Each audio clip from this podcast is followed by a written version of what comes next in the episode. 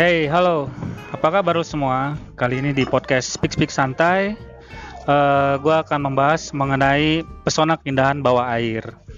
Nah, episode ini uh, gue ada beberapa narasumber yang bisa sharing dan berbagi pengalaman mengenai uh, diving gitu. Nah, sumber narasumber gue ini uh, memang sudah dari dulu banget men, apa melakukan kegiatan aktivitas diving ini gitu kan. Nah, uh, silakan memperkenalkan diri. Halo, saya Adi. Halo, saya Robi. Halo Rano. Ya. Selamat sore. nah, ini banyak ya lumayan uh, apa namanya narasumber gua hari ini gitu kan. Jadi temanya itu memang tentang pesona keindahan bawah air gitu.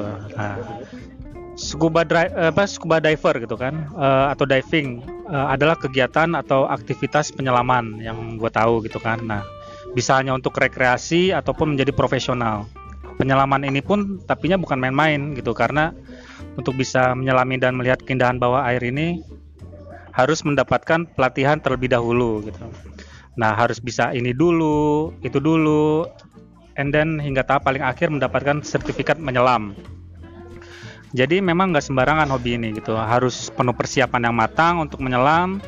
Tapi kalau sudah menguasai semua aspek-aspek keselamatan dan persiapan yang dibutuhkan, maka keindahan bawah laut yang selama ini mungkin hanya di batas khayalan saja gitu ya, akan bisa dilihat dan dirasakan dengan begitu nikmatnya gitu. Bahkan katanya nih gitu kan, once lu nyoba aktivitas ini, itu bisa membuat lu ketagihan gitu. Nah, bagaimana persiapan dan sharing pengalamannya? Uh, kita coba dengerin dari siapa dulu misal Adi, Ya. silakan Adi. Boleh, boleh, boleh. Boleh, boleh, boleh. Gimana aja? Gimana aja? Ya, gimana persiapan dan eh, apa apa-apa aja sih yang harus eh, ketika pertama kali eh, akan melakukan kegiatan ini gitu.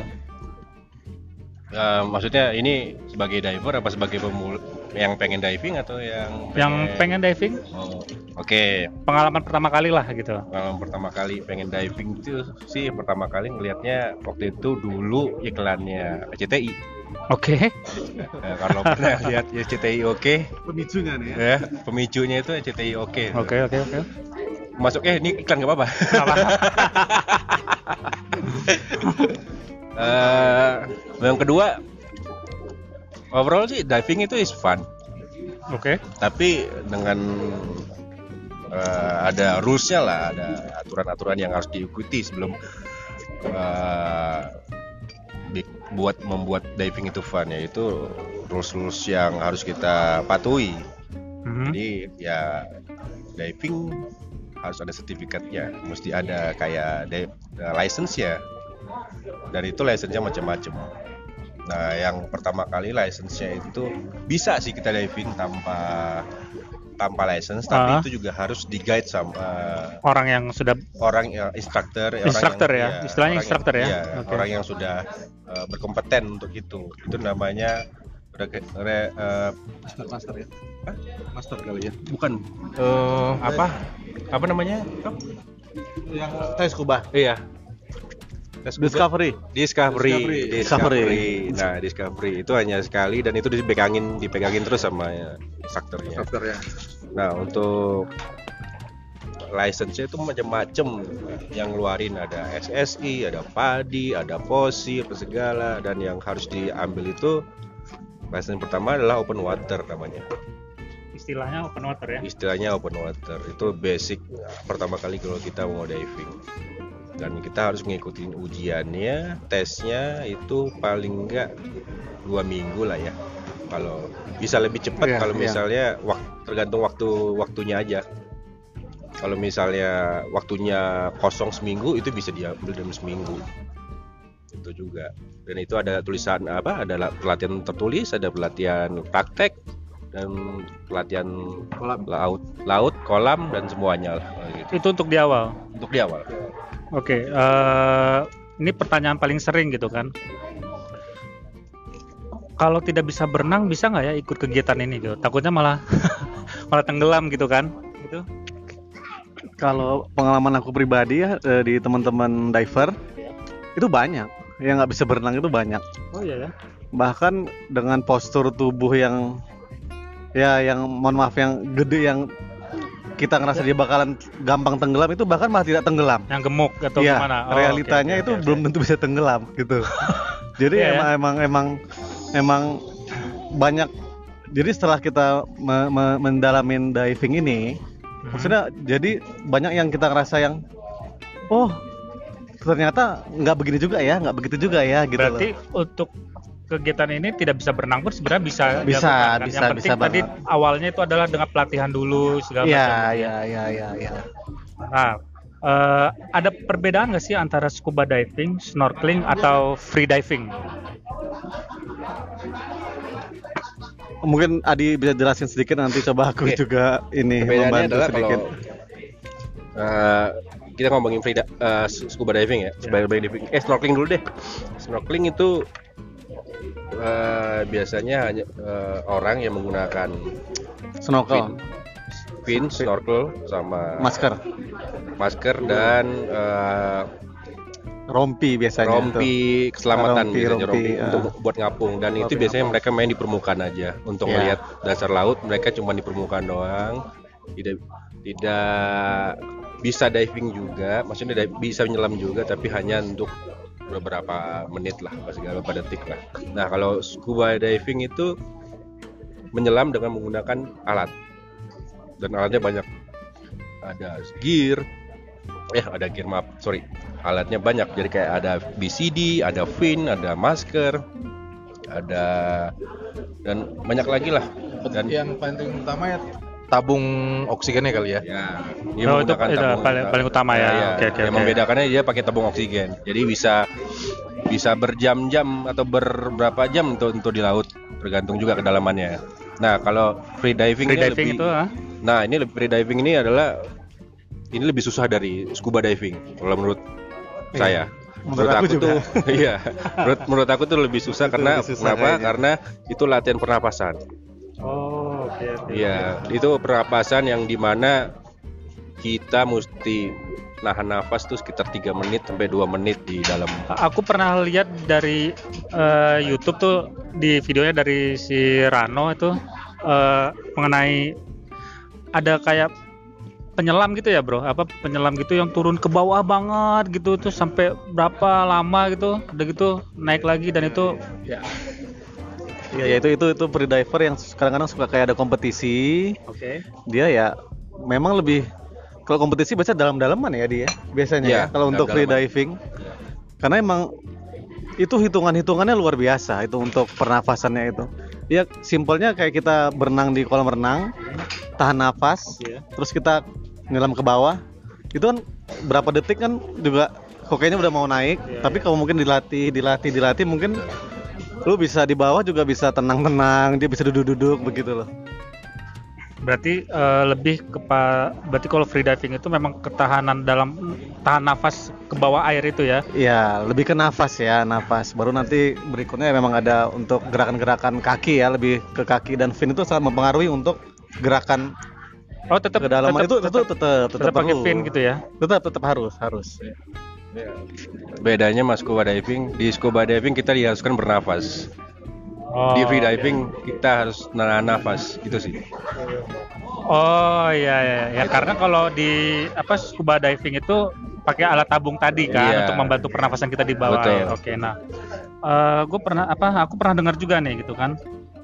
Apalagi sih itu eh, night diving gitu karena itu emang nggak gelap gitu ya dan kayaknya rada sedikit berbahaya nggak sih ada sharing atau eh, bisa ceritakan mengenai night diving itu? Night diving itu eh, penyelaman yang dilakukan oleh di malam hari. Siap, itu ya. biasanya kayak kata tadi Adi bilang kalau kita pemula itu belum bisa. Belum bisa belum bisa, atau belum boleh itu, itu, atau- itu kan tadi mungkin Adi belum eh, selesai. Itu eh, tingkatannya itu dari open water, itu Oke, ada ya. advance. Oke. Nah, setelah advance itu ntar setelah itu ada rescue diver, diver, rescue diver. rescue ya. Setelah rescue ada dive master, setelah dive master dia udah bisa instructor. Instructor itu udah bisa ngelatih. Nah, kalau Oh, diving itu, tahapan-tahapannya tahapan ya? itu tahapan di di dunia scuba diving, lah, oke. scuba diving, scuba Iya. diving. Nah, kalau tadi mengenai diving malam-malam Mhm. Itu em, tujuannya tujuan malam itu sebenarnya ada tujuan. Tujuan Betul, diving betul. malam itu ada, bukan berarti yang kita cuman diving malam yuk, enggak enggak. Biasanya ikan-ikan itu berbeda. Ikan-ikan itu berbeda. eh, eh, kalau pagi, siang, sore dan malam itu kadang-kadang berbeda. Jadi t- kita tujuan tujuannya emang mencari binatang yang keluar di malam hari. Ya, Jadi jenisnya bisnis binatang nokturnal sih biasanya orang bilang. Oh berarti emang binatang di dalam laut itu ada yang keluarnya siang sore hari, ada yang keluar malam hari juga. seperti itu seperti biasanya itu, ya. seperti itu Ya. Ak- bukan keluar ya aktif Aktif, Nah, yang, aktif. yang yang keluar di eh yang aktif di siang hari itu tuh kalau malam ke mana? tidur tidur ya tidur. Berarti ini ngalong ya. Jadi kalau kita diving malam, kita bisa ngeliat itu ikan tidur. Emang matanya kebuka, tapi dia tidur, men. Dia itu sebenarnya tidur, dia diam saja. jadi kayak gini Bagja istilahnya kayak gini yang satu kerja di kantornya yang satu Eh. kerja di diskotik Nah, itulah itulah apa eh, salah satu sensasi yang tidak pernah dibayangkan sama orang kayak aku ini yang biasa Ya. itu ya. ya karena satu eh, perlengkapannya juga beda lagi itu kalau diving malam dengan diving Oh, Oke oke. Maksudnya, Perbedaannya? ya nggak berbeda banget sih cuma Nah, kita kayak perlu center tuh kan pakai center Oke oke oke oke kita oke. perlu ada center dan lain-lain Lebih bahaya nggak sih? Aduh, kategori bahaya ini gimana selama ya? ngikutin al- aturan ya Iya, itu fun iya. Oh. Karena ini kita kan kita juga fun diving ya. iya kalau bahaya mau siang atau malam tetap aja Iya, iya. Sebenarnya bahaya juga selalu ada, tapi kalau kita ngikutin seperti kata Adi bilang, mudah-mudahan bisa Ya, aman semua sih aman gitu ya. ya.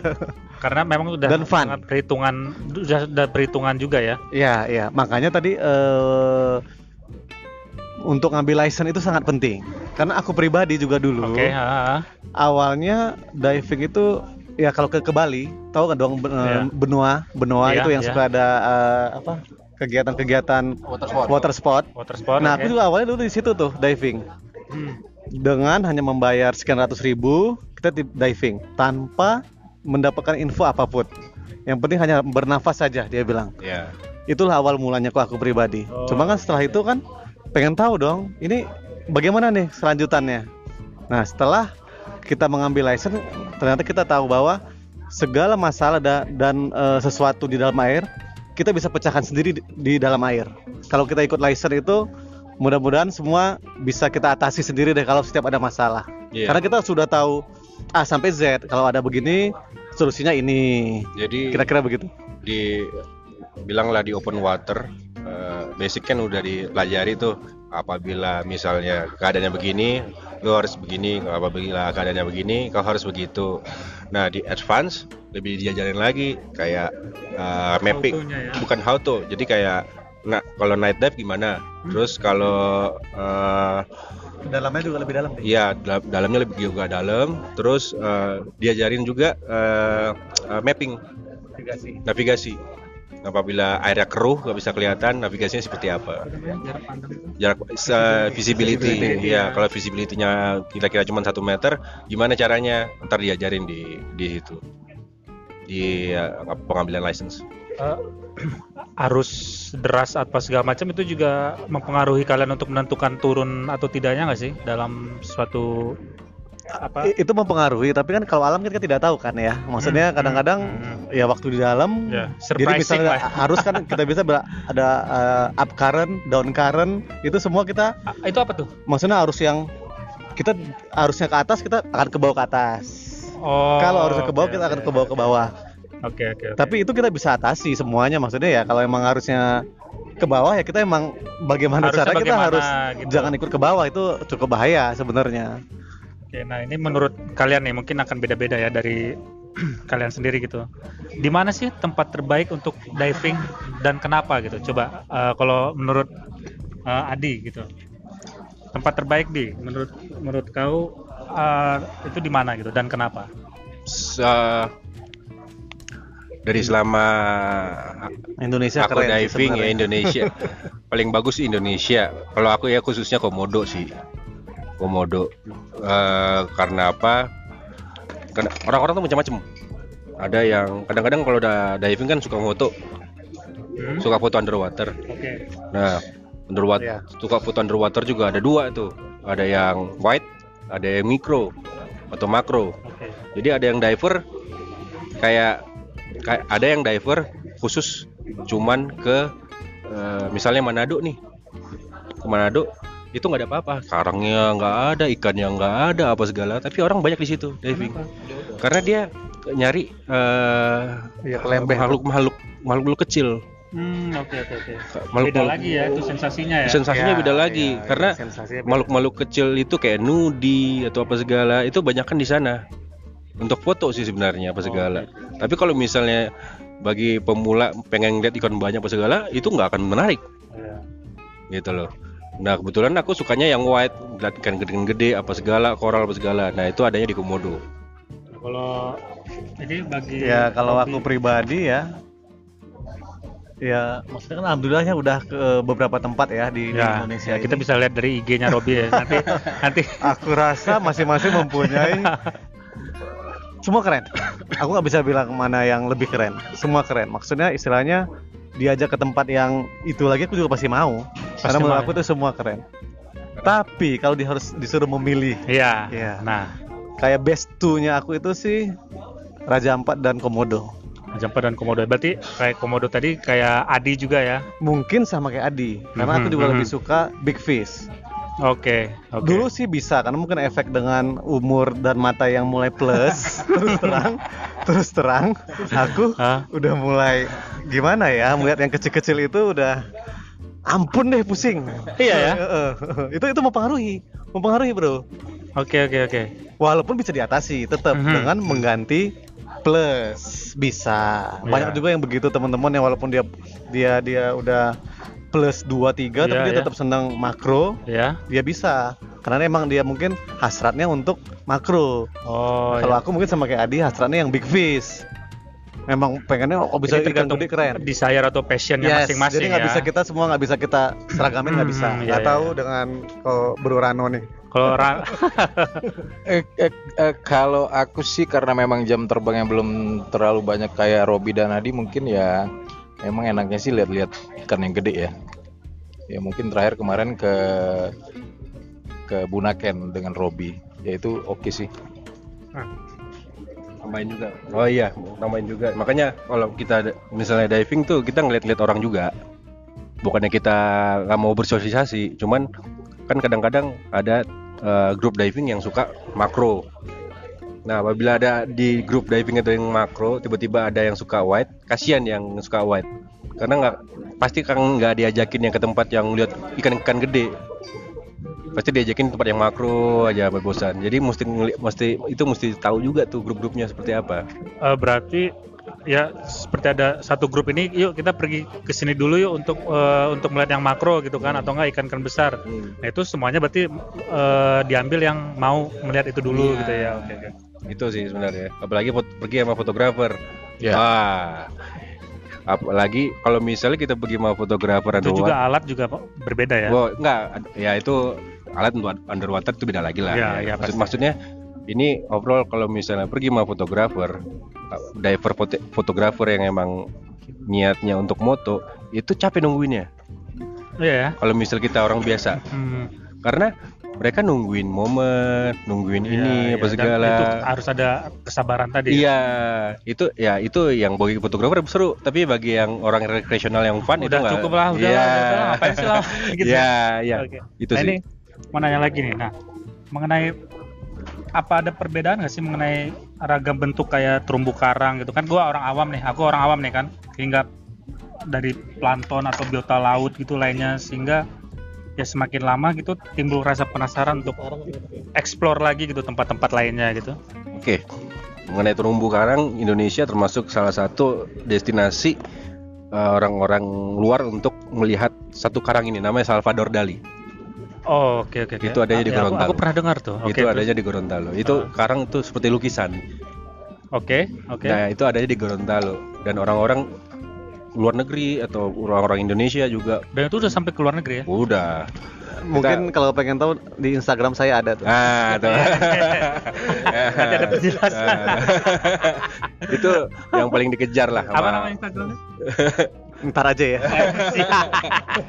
itu yang paling dike- itu yang paling dikejar lah sama orang-orang diver apa segala. Jadi kayak kalau memperbesar memperkecil. kalau gua kalau gua kalau aku bilang ya kalau aku bilang ya kayak Indonesia itu kayak uh, Raja Ampat dan Komodo tuh kayak nih hajinya diver Untuk seluruh dunia atau nggak tahu kalau seluruh dunia tapi Oh, Indonesia paling, sih paling tidak Indonesia di Iya, situ ya tempatnya. iya situ sih tempatnya karena sa- satu Raja Ampat juga eh, gila sih sebenarnya karena dia salah satu tempat yang paling banyak va- vari apa eh, jenis ikannya dan paling banyak jenis koralnya di dunia Oh gitu. Iya. Nah aku pernah dengar eh, kayak misalkan ada spot diving, eh, let's say misalkan A gitu. Nah itu katanya ditemukan oleh namanya si A gitu. Apa benar nggak sih? Atau misalkan Eh, setahu aku iya begitu. Jadi tapi itu memang biasanya harus orang lokal ya. Maksudnya kalau atau bah banyak di di Indonesia banyak bule juga sih sebenarnya mungkin karena bule duluan yang diving di Indonesia ya mungkin ya. ada satu binatang yang pakai nama orang Indonesia aku lupa nih namanya binatangnya silakan google Iya, aja. iya cara googlingnya. Cuman yang nemuin itu namanya Wali Siagian. Oh, Oke oke. Dia Ini or- satu warga sama. Makanya dia ingat karena Bukan karena satu warga ya. Cuman eh, kalau ditanya instruktur semua di Indonesia, apalagi yang udah course director, Masih tahu ya. pasti tahu tuh orang. Karena dia yang yang jadi guide guide-nya orang luar tuh selalu dia. Oh iya. iya. Guide-guide-nya Sebenarnya National enak juga Geographic apa segala. Iya, menemukan itu. Itu namanya Wali Siagian. Kalau yang udah sering menjadi guide itu emang enak ya. Pasti dia sudah ke mana-mana dan segala macamnya ya. Kalau guide sih lebih sering ke lokal ya. Hmm, lokal oh, itu sebenarnya sama kayak karena dia har- harus emang sering di kalau kayak kita aku pribadi sih kan lebih ke kayak turis deh bahasanya ya. Hmm. Maksudnya datang ke satu tempat kan emang nggak tahu, Hmm. kita ngomong ke lokal. Eh, nanti Saya- dia yang iya, nunjukin. eh, misalnya mau di- dive spot A itu banyak hiu Oke. misalnya dari spot B itu karangnya lebih bagus. Hmm. Nah, jadi kita yang lokal itu yang lebih tahu. Jadi kan nanti kan kita ngobrol dengan si lokal ini maunya apa nih, misalnya lebih sering pengen cari hiu yuk gitu. Oke, kita bawa ke tempat hiu. Di sini nih tempatnya gitu. Ya, gitu-gitu loh. Nah, ada pertanyaan juga nih gitu kan. Eh, apa sih itu dive buddies? Gitu. Bisa dijelasin karena aku sering dengar ada eh, eh ini dive buddies sampai segala macam gitu-gitu. Oh, dive buddies doang. Parano Eh, kalau dive body itu biasanya kita kan kalau turun ke bawah itu biasanya ada temennya tuh. Mhm. Jadi ada misalnya kita rame-rame ada beberapa orang yang turun ya. M- eh, jadi ada instruktur satu, habis itu ada dive buddy-nya. Dive buddy itu yang biasanya buat saling jaga aja sih di bawah lautnya. Oh, Jadi, berarti fungsinya memang untuk ya tandem lah ya. Oh ya tandem ya. Ya, ya, tandem. Istilahnya Jadi- kalau kayak pembalap itu ada navigatornya ya. Iya, kurang lebih kayak gitu. Jadi kayak misalnya turun di bawah, misalnya kita ada berem- berempat nih, uh, kita mau diving berempat. Jadi misalnya ada instruktur satu, jadi berlima instrukturnya yang mungkin yang ngasih nunjuk kalau kita belum pernah ke daerah tersebut, uh, ngasih nunjuk spot-spot yang bagus. Nah, nanti kita ada tandemnya, jadi misalnya gue sama si Robi, abis itu Bagja sama Adi Patok gitu mungkin. Nah. jadi saling back, mungkin bisa saling ada backup. terjadi kali sesuatu ya. di bawah gitu, lagi ada terjadi sesuatu eh, entah apa gitu kan. Itu cara ngasih tahu temennya seperti apa sih? Kalau dipanggil kan pasti aku yakin pasti nggak akan dengar kan mereka gitu. Eh mungkin kalau kita kan biasanya kalau untuk peralatan diving tuh macam-macam ya. Biasanya ada stick, ada stick eh, yang eh, yang bisa kita ketokin ke tabung gas. Eh, Dan ada morsenya biasanya. Ada morsenya, Jadi iya. Ada cara cara kita ber eh, apa? Berkomunikasi itu bagi, pakai tangan biasanya. ah, ah. Pakai tangan yang harusnya up eh, tangannya harus gimana terus yang kalau ke down kalau ada masalah tangannya harus gimana jadi nah itu pertama yang kedua yang tadi kita bahas body system bodies body system itu sangat penting karena sangat sangat bahaya untuk menyelam sendiri ya kan orang eh, body system tuh jadi ngecek jadi kalau misalnya kita di, di dalam kita harus saling cek Ya, betul. jadi nggak nggak body system Body system. Nah, body system. Jadi kita harus ngecek. Oh, te- eh, teman gue ini gimana? Eh, eh, cari udah berapa menit? Mana teman lagi? Cari lagi, cek lagi, cek lagi seperti Ya itu. kadang-kadang kan di bawah kan kita suka bahasa Medannya sur sendiri kan. Mm-mm. Ya, Ya, ya. ya. Jadi ja- kalau bisa sih ya kita tetap harus ya, Ya, itu body system itu dari nggak dari bawah, dari atas juga. Jadi kayak ngecek udara, ngecek ini apa segala semuanya itu udah dikerjain dari atasnya sebelum menyelam. ya benar. Oh berarti memang eh ya bisa dibilang kayak teamwork ya, saling jaga juga ya. Ya, benar. Kayak kawin. Oke, nah setelah melakukan diving nih selama ini gitu kan, atau telah melakukan perjalanan sejauh ini kita sebut demikian lah ya gitu kan. Nah, apa ada batasnya nggak sih kata dari diver profesional gitu dengan diver berpengalaman gitu? Atau eh dengan sudah melakukan perjalanan ini, aku sudah bisa disebut diver eh atau instructor gitu. Aku bisa jadi instructor. Apa harus ada license yang lagi atau atau gimana gitu? Kalau kayak Robi nih, Robi menurut aku kan dia sudah banyak eh, experience-nya lah ke mana segala macam itu sudah bisa dijadikan sebagai let's say gini, ya aku bisa mengajarin orang gitu. Atau memang itu hal yang berbeda lagi atau gimana, Bu? Eh, tadi mungkin menyambung Robi bilang dari awal kayaknya itu harus ada tingkatannya kali ya. Ya benar. Ada sertifikasi yang pertama ada. open water, advance, habis itu eh, rescue, eh, dive master. dive Pokoknya master. seterusnya deh. Ya. Nggak bisa nggak bisa kayak aku, pribadi ya mungkin walaupun aku rescue sekarang tapi kalau untuk lock-lock itu maksudnya kegiatan diving Iya. aku sering ketemu juga eh, kayak aku sekarang mungkin udah du- 200 lock ya kurang lebih ada sih yang yang Oh, banyak. yang yang yang cuman 350 lock dia udah dive master. Itu banyak. Dive master itu di atas level aku. Gitu. Jadi emang kembali ke pribadinya juga orangnya juga. Kalau kayak aku ngerasa aku emang memang pengen fun. Oke, oke, oke. karena kalau kalau mau kita semakin naik tingkatan itu tanggung jawab juga lebih besar. Ya kayak aku sekarang rescue jadi di- rescue itu otomatis aku akan mungkin kayak Bro Rano ini eh, advance Nah, re- eh, sorry, aku mau nanya mengenai rescue tadi. Rescue itu tuh rescue itu maksudnya jadi kita diver hmm, su- sudah tahu eh, ilmu atau basic-basic untuk rescue. merescue kalau ada kejadian-kejadian. contoh misalkan kejadian apa? Apakah hanya misalkan temen temen aku eh, tenggelam nih? Atau Iya, apa iya, segala macam? iya, iya. oh bukan rescue yang dalam artian eh, Misalnya juga ada yang kejadian di bawah misalnya ada yang pingsan. Oh atau ada yang apa ya dia kejadian-kejadian biasanya ya. Eh, biasanya yang kejadian itu Panik. panik sama over eh, namanya terlalu banyak nitrogen. Oh, namanya itu? narkosis, narkosis. Narkosis Pokoknya sega- se- pokoknya kalau ada masalah-masalah, jadi kalau rescue itu dia lebih tahu mengatasinya daripada level yang open water dan advance tadi gitu loh. Iya, Otomatis dia karena emang dia udah dikasih tahu. Dive master itu melebihi lagi gitu loh. jadi kalau tadi kita balik lagi ke profesional apa segala Oh, iya. eh, kalau profesional itu lebih ke hidupnya emang eh, hanya di diving. Seperti instructor instructor itu hidupnya di diving karena eh, dia akan mengajarkan orang-orang untuk belajar diving.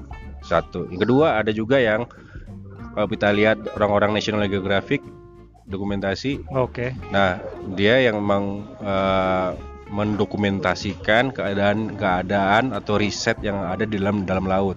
oke oke. Terus ada juga yang welding. Welding Welding tuh biasanya orang-orang perminyakan. oh oke oke Orang-orang perminyakan tuh perlu diver untuk ngelas pipa di bawah laut. Itu profesional.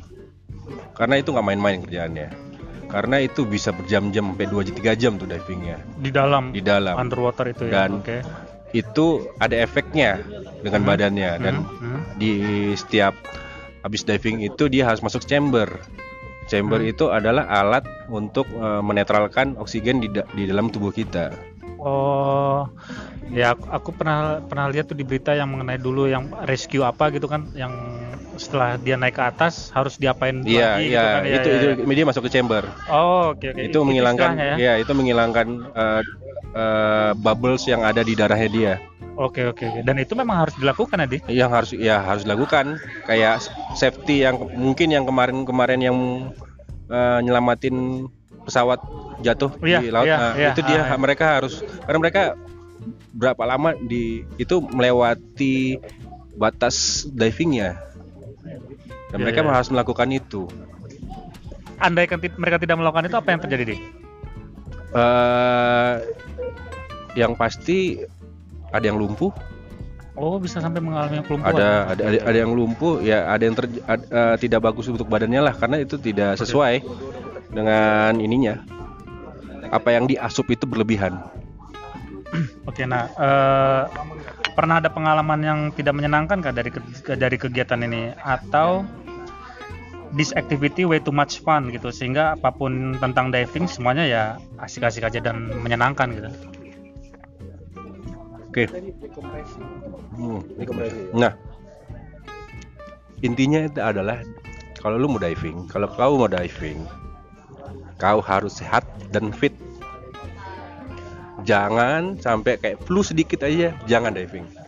Karena itu fatal. Jadi untuk melakukan diving itu memang harus sehat.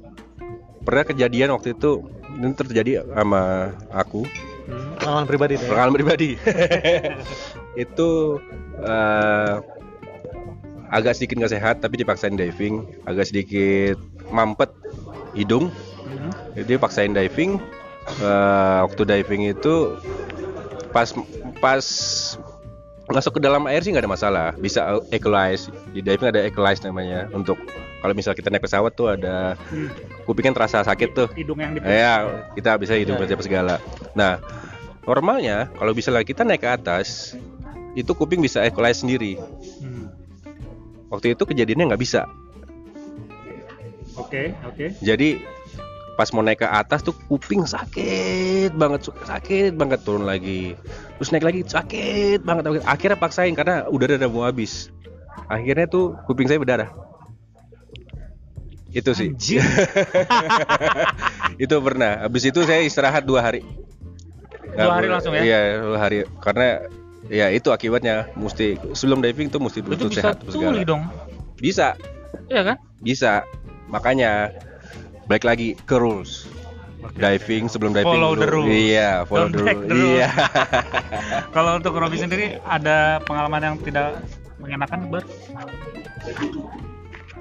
pengalaman pribadi ya sebenarnya emang kayak tadi bilang kalau kita ngikutin eh makanya Soalnya kalau pokoknya memang- kalau diving ini ya kalau aku bilang sih emang harus kita ikut ambil license itu karena emang kalau udah ambil license kita benar-benar tahu semuanya nah Karena kondisi- realitanya di lapangan juga iya. emang itu itu tadi Ya kalau kondisi itu, fisik itu tubuh. maksudnya gini, misalkan kita sebenarnya sehat nih gitu kan. Iya. Itu pas nyampe tiba-tiba yang tiba-tiba nggak enak badan lah segala macam itu berarti sangat bisa bisa mempengaruhi bisa mempengaruhi makanya kalau aku pribadi nih Mhm. pengalaman pribadi pernah mirip Adi juga lagi flu Mhm.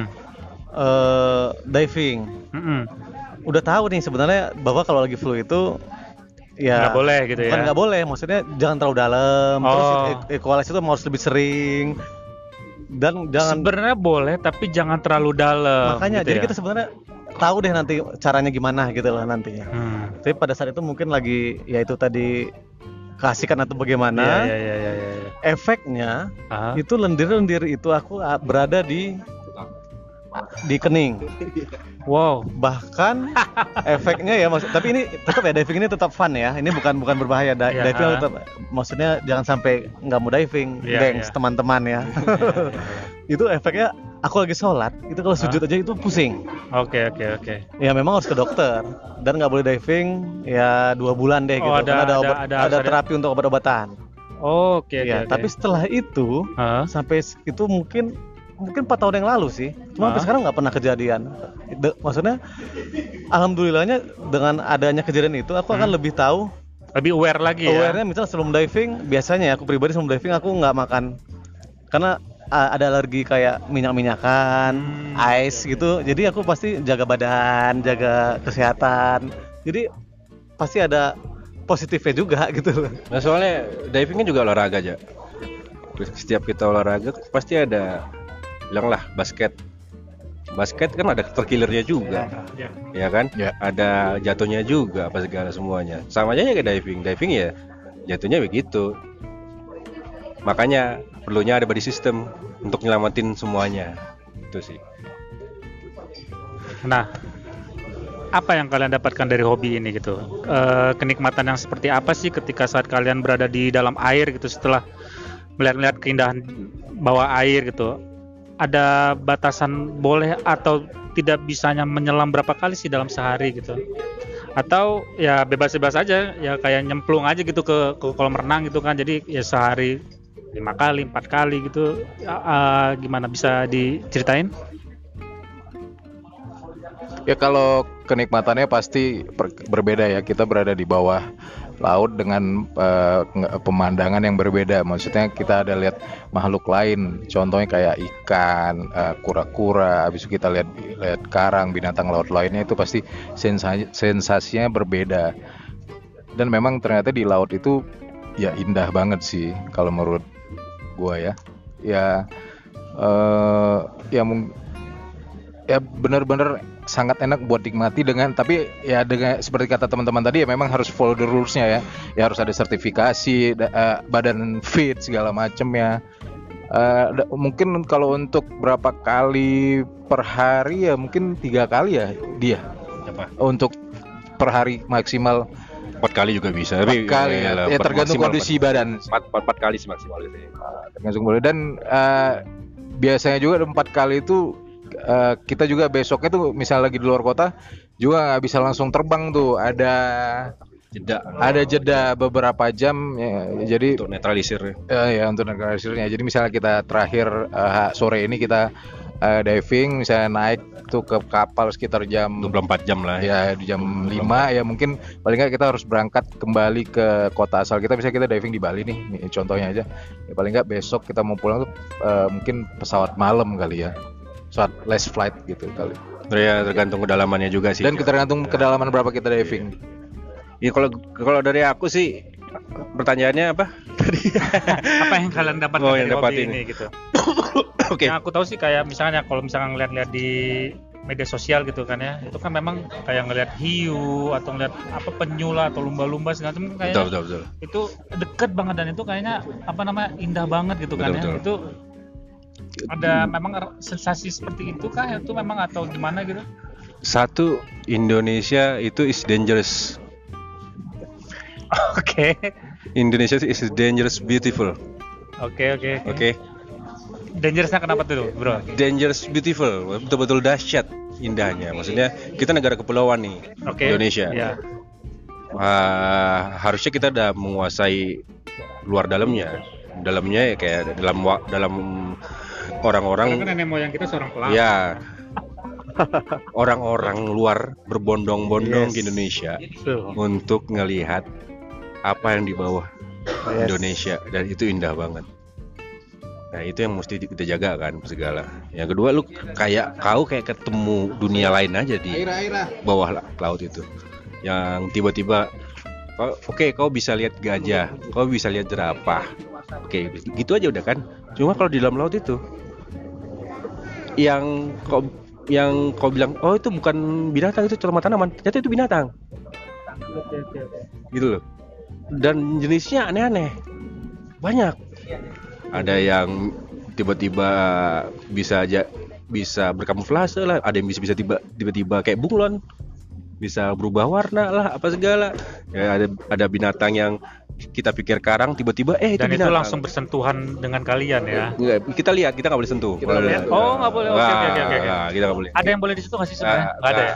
body Oh, oke. Oke oke oke. Oh itulah salah satu rulesnya ya. Iya, Jangan disentuh ya. jangan disentuh Berarti lihat boleh, pegang jangan. Iya betul. Karena eh, ya ya itu apa eh, intinya Indonesia itu gila sih underwater ya. underwaternya ya. Iya. Menurut Robi juga ya. Sepakat ya.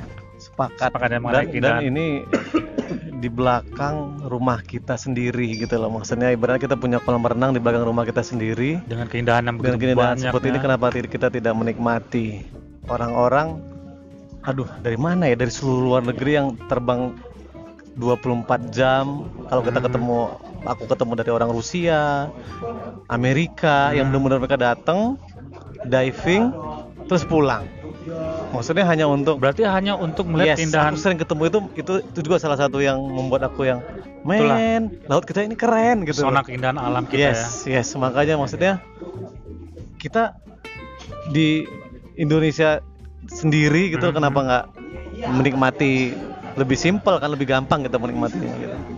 Eh, berarti kalau aku ambil tarik kesimpulan dari semuanya gitu kan kayak ada keinginan yang timbul nggak sih untuk menjaga lingkungan alam ini gitu? Khususnya bawah laut gitu dengan sering yang melakukan kegiatan seperti ini gitu.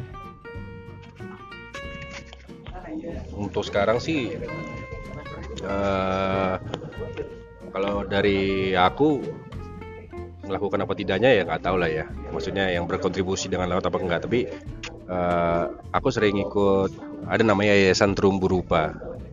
Yayasan Terumbu Rupa adalah eh, bagaimana eh, menanam menanam karang tapi eh, digabungkan dengan art yaitu uh, uh, lihat aja di Yayasan Terumbu Rupa di Instagram juga ada apa segala keren tuh keren Eh, banyak yang bisa kita lakukan kontribusi laut.